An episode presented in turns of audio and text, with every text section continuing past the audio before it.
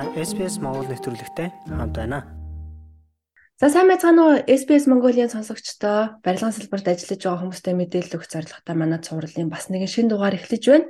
Golden Light компани захирал анхаа бит хоёр энэ удаад ер нь барилгын салбарт ABN-ээр ажиллахын дээр эсвэл TFN-ээр ажиллах уу? За бүр кашаар ажиллах уу?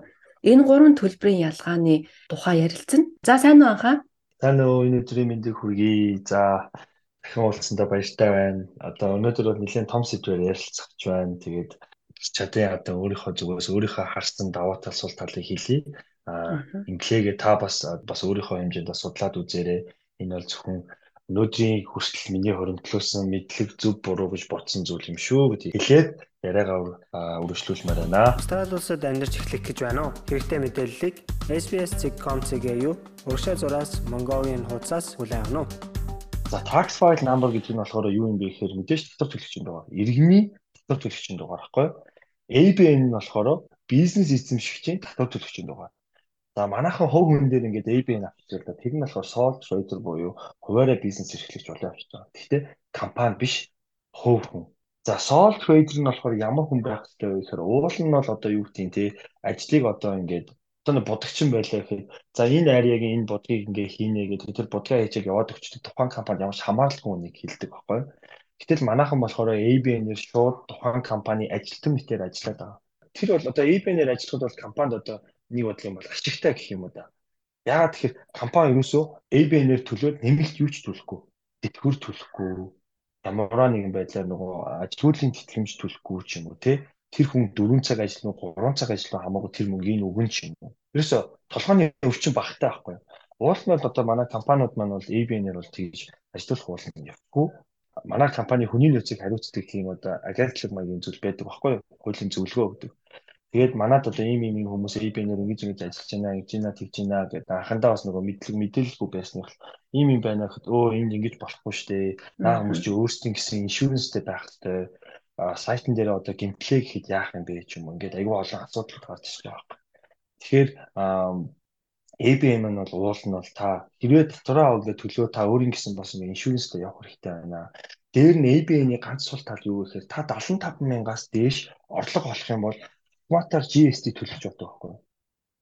Тэгэхээр манайхан одоо ингээд жишээлбэл хэрвээ та 75 мянгаас илүү мөнгө олно гэх юм бол ABN-ээр яг ажиллаж болж байна. Гэтэ та 75 мянгаас илүү мөнгө олно гэвэл та GST төлөгч болох хэрэгтэй байхгүй? Тэгээд та жишээлбэл 50 доллараар ажиллаа гэхэд та 50 доллараар ингээд жил ингээд ажиллаа гэхэд за миний юу бол 75-аас хэтэрх юм байна. гэдгээ та өөрөө мэдчихвэл GST-д бүртгүүлээд нөгөө компаниасаа би бол GST төлөгчөө гэд 50 дээр нэмээд 10% GST-г нэмж авах хэрэгтэй байхгүй. Манайхан тийхгүй ингээд байж байгаад ABN-ээрээ ингээд ингээд GST бүртгүүлээгөө ингээд ажилчин 75 мянга боллоо. Ямарваа нэгэн байдлаар ATOны одоо сонголтод та өтөө ч юм уу таныг шалгалаа гэж бодоход өө чи 75 мянгаас илүү мөнгө олцсон биш үү? Чи GST төлнө шүү дээ автоматар гэх тэгэнгүүт та нөгөө компанида 50-аар биш 45-аар ажиллаж байгаа байхгүй. Яагаад тэгэхээр таны одоо жишээл та GST-гүүгээ нөгөө компаниас авсан мөртлөө таны олсон орлогоос ч шууд GST суудгаад авах гэсэн хүчээр. За одоо бол ATO маш чанга болсон байгаа.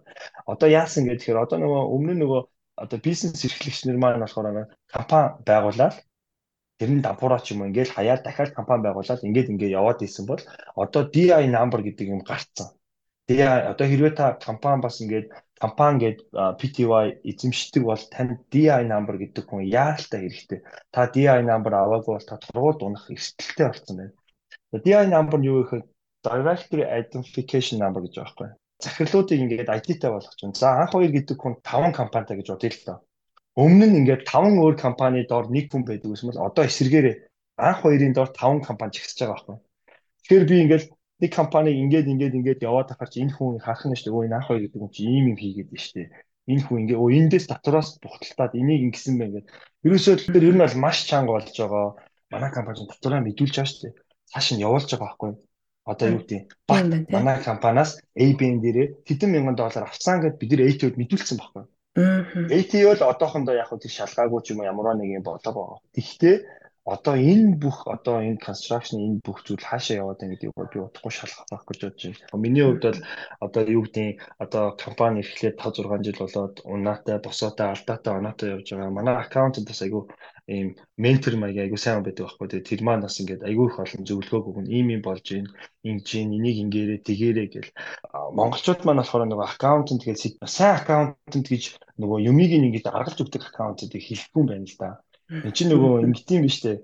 Яг үндэ аккаунтент ямар ч хариуцлага хүлээдэг юм байна. Яагаад гэхээр бид нар гарын хэсгээ зурж байгаа байхгүй эцэст нь дотор дээрээ. Тэнгүүд бид нар ямар нэгэн байдлаар аккаунттайгаа ярилцаад ямар нэг юм нууцсан байлаа гэж бодоход ямар нэгэн асуудал боллоо гэж бодоход аккаунт маань юу гэвэл би энэ хүний явуулсан одоо материал дээр based on хийгээл энэ ийм татвар байна гэж хэлсэн энэ хүн зөвшөөрөө гарын хэсэг зурсан дээ гэдэг гэж байгаа. Тэгэхээр хариуцлага одоо тэр компани гарын хэсэг зурсан дээр ирэх нь дээ тий. Тийм тэгээ ингээд бодохоор бас ингээд юмны наантай цааныг бас сайн хараарай. Би ер нь бас аягүй олон хүмүүсээс манай аккаунтын цаа ингэж аргалдаг, ингэж татвараас мэддэг гэдэг гэж сонсч ирсэн.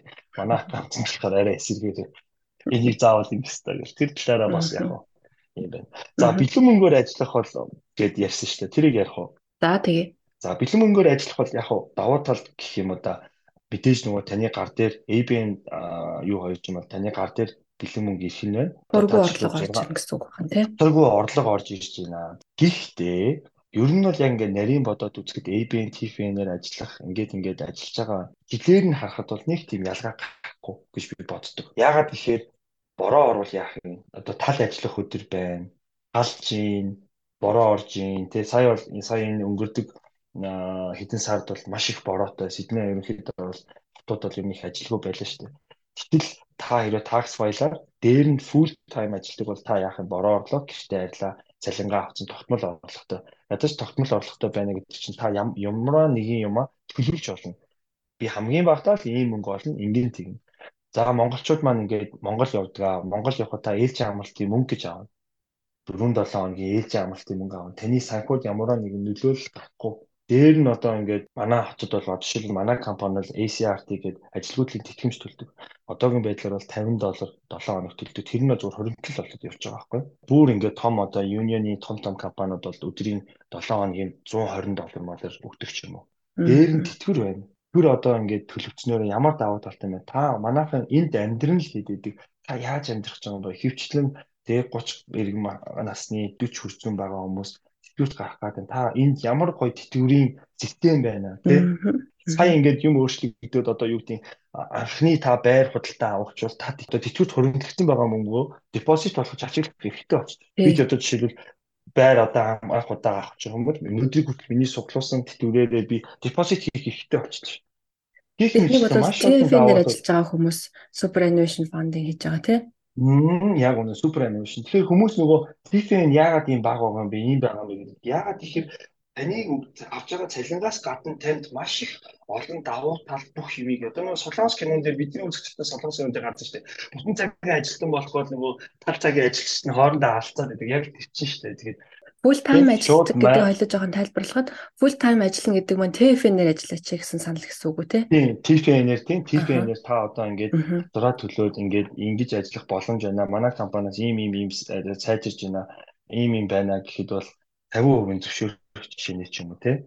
Яг бидний бас нэг амьдралын нөхцөл байдлаас бол хамаардаг байх л да. Гэхдээ аль болох ингээд шинэ ирж байгаа хүмүүс маань бас ингээд татвараа төлөөд full time-аар буюу full time англи руу н ороод ингээд өөртөө ингэж өөрийнхөө ингээд давуу талыг ашиглаж тэтгэврээ ингэж төлөвлөж ингэж яваасаа гэж бас өрхөдөө хүсэж байна.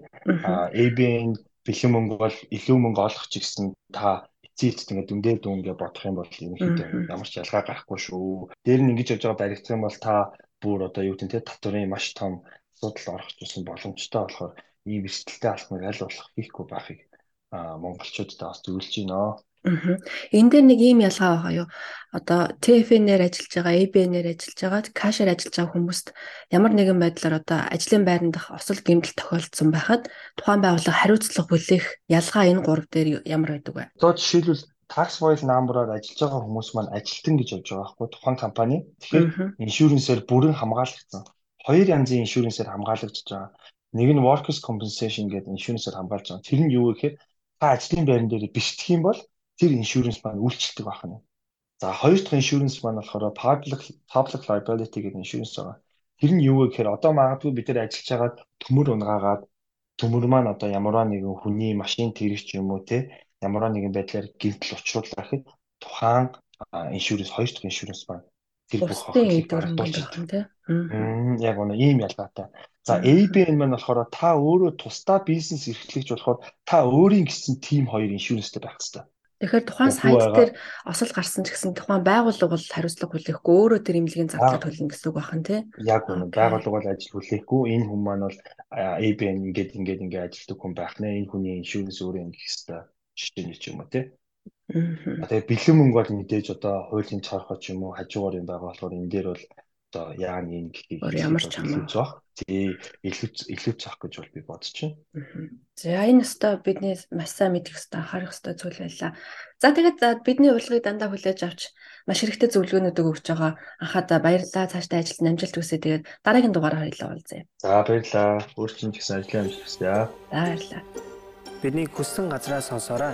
SBS радиогийн аппликейшнийг SBS.com.cg-ийг радио апп хаягаар татаж аваарай.